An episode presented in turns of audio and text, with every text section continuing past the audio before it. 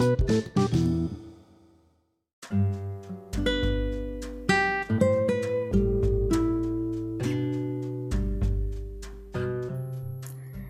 kecil kita familiar dengan kalimat, udah jangan nangis, gitu doang kok nangis.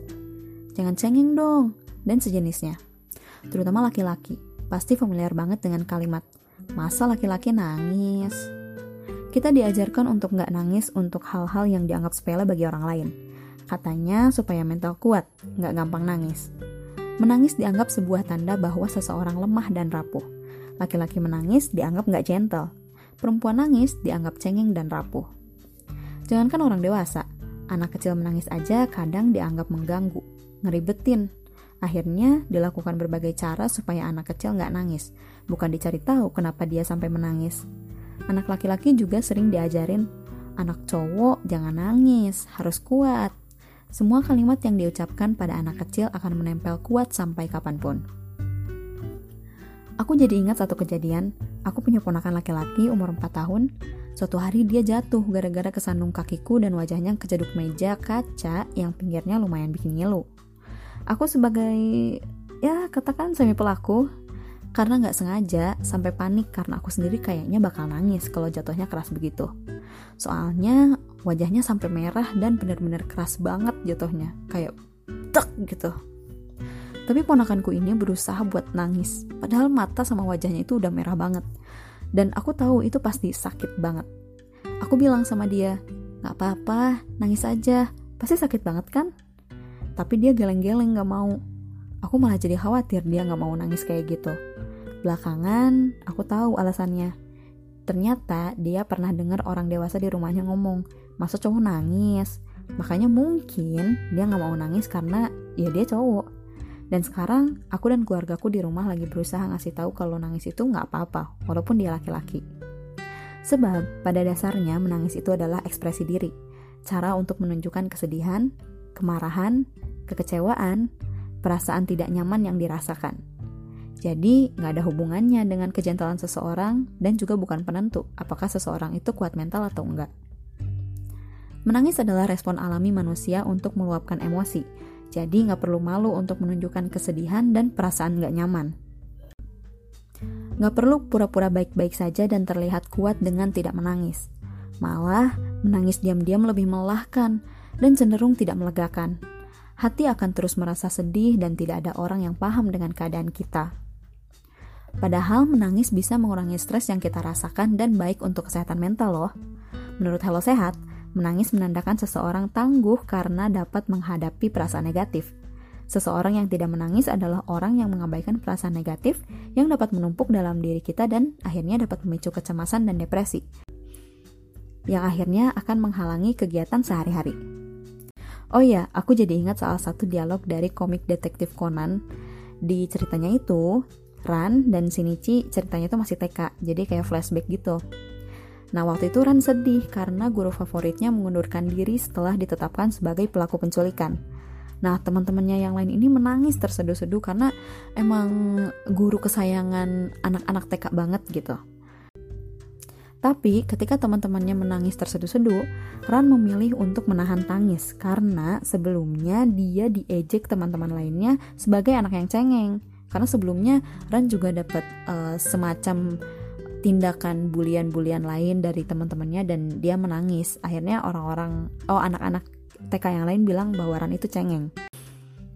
Nah, melihat Ran yang menahan tangis, Shinichi Aka Konan bilang, Kurasa gak ada salahnya nangis ketika memang ingin menangis, Ran.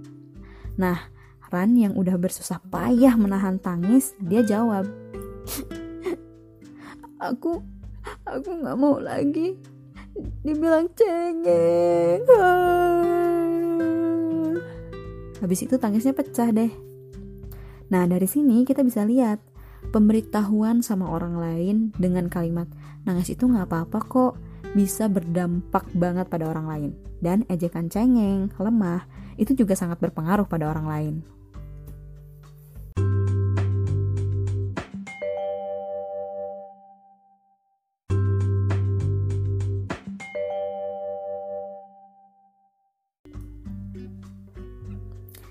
Oke, kita lanjut.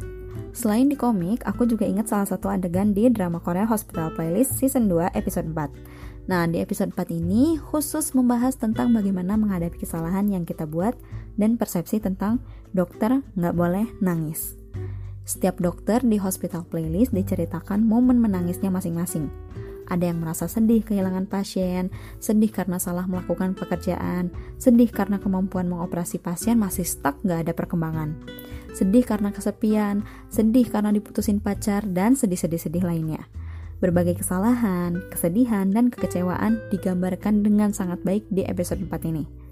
Nah, di menit akhir diceritakan pengalaman zaman dulu 19ers AK kelima dokter yang jadi tokoh utama.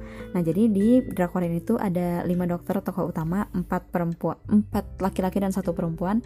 Uh, mereka itu dokter utama dan uh, mereka tuh semacam punya keahliannya masing-masing gitu di sana. Dan disebutnya 99ers. nah dulu itu Oh ya, sebelumnya mereka tuh ceritanya kayak flashback gitu. Dulu mereka diajarkan dokter seniornya untuk tidak menangis di depan pasien karena dianggap dapat merendahkan dan mencoreng martabat dokter. Sehingga mereka harus menahan tangis dan kalau misalkan mau menangis harus sembunyi-sembunyi saat ada pasien yang berpulang. Ada salah satu tokoh namanya Sok Hyung yang merupakan dokter kandungan. Nah, dia bilang kayak gini, kita diajarkan untuk tidak menunjukkan perasaan di depan pasien.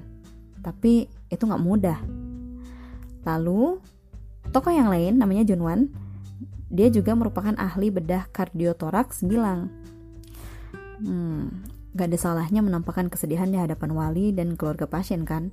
Itu tidak merusak martabat atau memalukan. Nah, karena pengalamannya ini, para geng dokter mengizinkan bawahannya untuk menunjukkan kesedihan di depan pasien selama dalam batas wajar. Sokyong juga bilang, Aku juga memberitahu bawahanku bahwa mereka boleh menampakkan perasaan kecil selama bisa menjaga batasan. Kita bukan robot kan? Nah, ketika Sohyong bilang begitu, teman-temannya yang lain mendukung sangat-sangat mendukung sekali. Nah, dari sini kita tahu bahwa menangis bukan hal memalukan. Menjadi orang yang mudah menangis juga bukan berarti cengeng. Sehingga jangan malu untuk mengekspresikan perasaan dengan air mata. Air mata juga membuat kita belajar untuk menerima penolakan dan hal-hal yang tidak nyaman bagi kita. Sekian cerita dari aku. Ingat, saat kamu ingin menangis, menangislah. Menahan tangis hanya akan menyiksa diri dan memberikan beban lebih berat lagi. Nah, kalau teman-teman suka, bisa share podcast ini ke teman lainnya, atau kalau punya cerita bisa komen di Instagram @vantriaco CHO. Sampai jumpa di podcast selanjutnya. Thank you.